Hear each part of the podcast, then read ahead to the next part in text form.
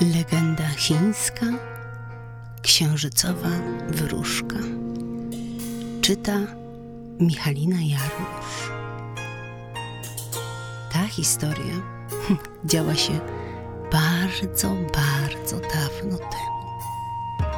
Daleko, daleko stąd, na dworze cesarza Chin, żyła sobie piękna, młoda kobieta o imieniu Mei Lin.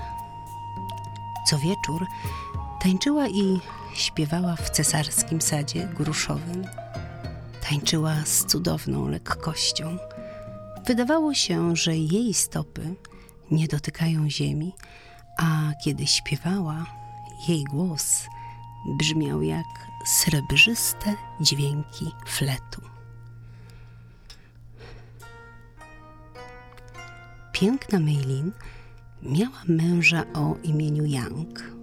Yang był dobrym myśliwym. Jego strzały zawsze trafiały do celu. Pewnego razu wybrał się konno na polowanie i dotarł nad zielone jezioro. Na brzegu stała przepiękna, milcząca kobieta ubrana w suknię zieloną jak wody jeziora. Skinęła na Yanga, a kiedy podszedł bliżej, wręczyła mu pęk ziół i zniknęła. Zioła pachniały tak, jak nic innego na świecie. Kim była ta piękna, milcząca kobieta w zielonej sukni? Wróżką? Zastanawiał się Yang. Pojechał do domu i ukrył zioła w swoim pokoju, nie wiedząc nawet, dlaczego tak zrobił. Kiedy następnym razem Yang znowu pojechał na polowanie, jego żona Meilin została sama w domu. Nudziła się, spacerowała więc po wszystkich pokojach. W komnacie znalazła schowane zioła wróżki. Zaciekawiona spróbowała odrobinę, ale ledwo poczuła je na języku, uniosła się w powietrze i poleciała wysoko, wysoko przez chmury, aż do księżyca. Ujrzała tam błyszczący księżycowy pałac. Wybiegła do środka i stała się księżycową wróżką. Kiedy Yang wrócił wieczorem, nie zastał żony w domu. Przeszukał dom i ogród, zajrzał do sąsiadów, ale nikt nie wiedział, co się stało z Meilin. Zasmucony Yang zaprzestał poszukiwań. Wrócił do domu, a kiedy tylko przekroczył próg, poczuł, że w całym domu pachnie ziołami, które podarowała mu piękna, milcząca wróżka z nad jeziora i które ukrył przed Meilin. Zobaczył pęk ziół leżący na podłodze i spostrzegł, że jedno zielone źdźbło zostało ułamane. Wtedy zrozumiał, że Meilin go opuściła i odeszła na zawsze. Odurzony zapachem ziół wyszedł z domu. Szedł i szedł z pękiem ziół w dłoni, póki nie zatrzymał się nad brzegiem zielonego jeziora, gdzie kiedyś przywołała go do siebie kobieta w zielonej sukni. Nikt nie wie jednak, czy spotkał jeszcze piękną, milczącą wróżkę i co się z nim dalej działo. Pewnego wieczoru cesarz Chin odpoczywał w sadzie gruszowym w towarzystwie swojego maga, bardzo mądrego człowieka. Była jasna jesienna noc.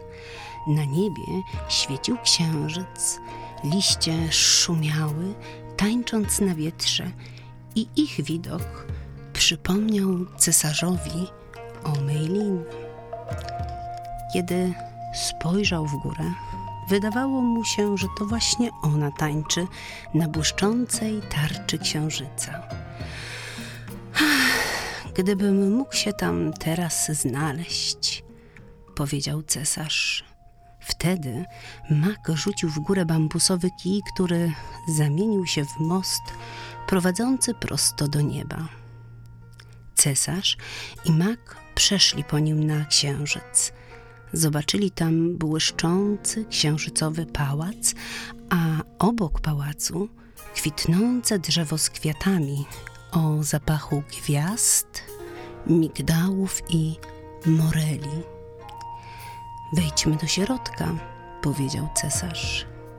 Księżycowy pałac zbudowano ze srebra i kryształów. Dookoła widać było szklane sadzawki, w których pływały szklane złote rybki. Pomiędzy pałacowymi kolumnami i kolumienkami szczebiotały księżycowe szklane. Cesarz i mądry mak nie mogli się temu wszystkiemu nadziwić. Nagle stanęła przed nimi księżycowa wróżka w lśniącej jak tęcza sukni. To była Mei Lin. Śmiała się, a jej śmiech przypominał dźwięk szklanych dzwoneczków. Serdecznie witamy, powiedziała Meilin. Jak wam się udało tutaj dotrzeć? Kiwnęła ręką i wtedy nadleciały białe, szklane ptaki z księżycowymi dzwoneczkami. Dziewczęta zaczęły tańczyć wokół kwitnącego drzewa, słychać było cichą, księżycową muzykę. Cesarz i mak nucili księżycową melodię, a Mei Lin tańczyła. Kiedy taniec się skończył, cesarz i mak zaszli z powrotem na ziemię. Nie mogli zostać na księżycu, ponieważ nie skosztowali ziół wróżki. Cesarz polecił jednak swojemu nadwornemu muzykowi zapisać księżycową melodię i odtąd, siedząc w swoim gruszowym sadzie, mógł jej słuchać granej na fletach z zielonego nefrytu. Legenda chińska Księżycowa wróżka czytała Michalina Jarmusz.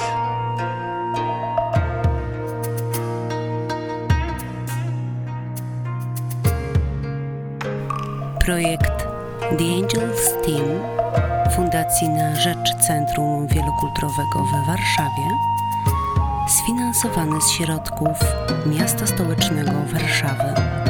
Biuro Edukacji